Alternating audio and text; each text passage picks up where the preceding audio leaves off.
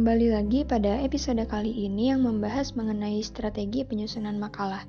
Strategi tersebut dapat dimulai dari mengetahui pengertian atau definisi makalah, mengetahui ciri-ciri makalah, menerapkan sistematika penulisan makalah, menerapkan strategi penulisan makalah, tata cara penulisan makalah yang berisikan hal-hal pendukung tersusunnya makalah. Kita para pelajar tentunya tahu makalah itu merupakan salah satu format tugas yang sering diberikan oleh para pengajar sebagai salah satu materi penunjang keberhasilan proses belajar dan mengajar. Nah, maka dari itu, jika mengetahui cara membuat makalah yang benar, pelajar dan mahasiswa dapat menyelesaikan tugas makalah mereka secara efektif. Makalah adalah suatu karya ilmiah resmi yang di dalamnya membahas semua masalah yang lebih lanjut. Makalah itu perlu ditulis secara sistematis serta juga harus dianalisis dengan logis. Makalah digunakan untuk mendukung proses pembelajaran, sering juga digunakan pada mahasiswa sebagai tugas, dan juga pada karya tulis laporan hasil pelaksanaan suatu kegiatan belajar. Makalah yang baik itu harus menggunakan data yang mempunyai validitas tinggi dan analisis serta interpretasi yang objektif. Dan makalah juga harus mampu menunjukkan kejujuran ilmiah penulis. Makalah juga harus menggunakan bahasa yang jelas, singkat, sederhana, dan teliti, dan juga disusun secara sistematis dan utuh. Lalu, pada sistematika penulisan makalah, terdapat cover, kata pengantar, daftar isi, bab 1 pendahuluan, bab 2 pembahasan, bab 3 penutup, dan daftar pustaka. Di dalam cover, tentunya kita sudah mengetahui bahwa cover itu adalah identitas suatu makalah.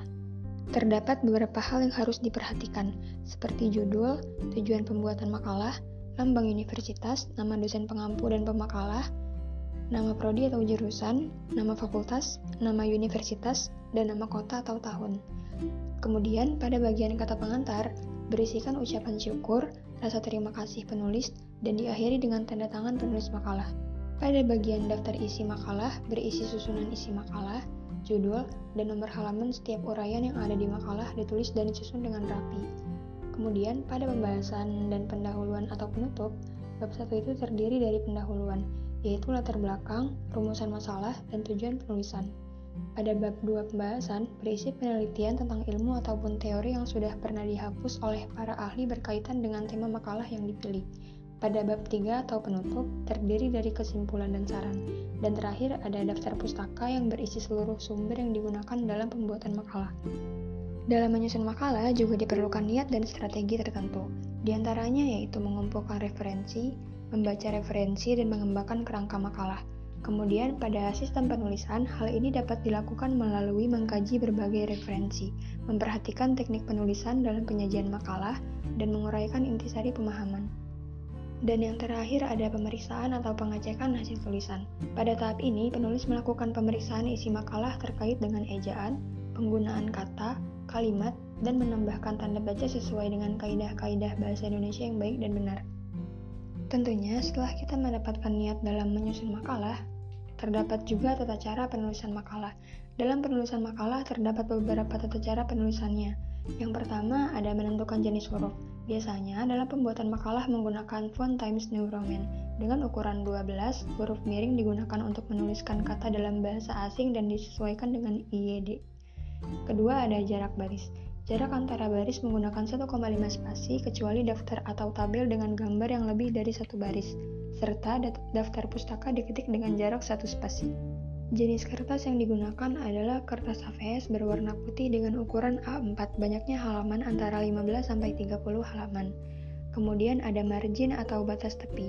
Batas tepi yang digunakan yaitu tepi atas 4 cm, tepi bawah 3 cm, tepi kiri 4 cm, dan tepi kanan 3 cm. Untuk memperjelas judul, maka judul diketik dengan huruf kapital dan di bold atau ditebalkan.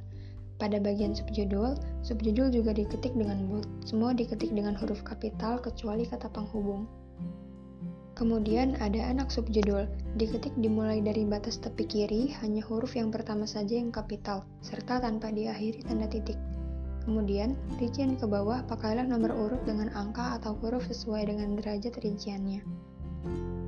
Makalah juga harus disusun simetris sesuai terhadap tepi kanan dan kirinya. Jangan lupa juga untuk membedakan penomoran halaman pada bagian cover, kata pengantar, daftar isi, dan juga pembahasan sampai penutup. Biasanya pada bagian kata pengantar dan daftar isi diberikan angka Romawi. Bentuk kalimat yang digunakan juga tidak boleh menampilkan orang pertama dan kedua, tetapi menyeluruh. Istilah dan bahasa yang digunakan menggunakan bahasa Indonesia.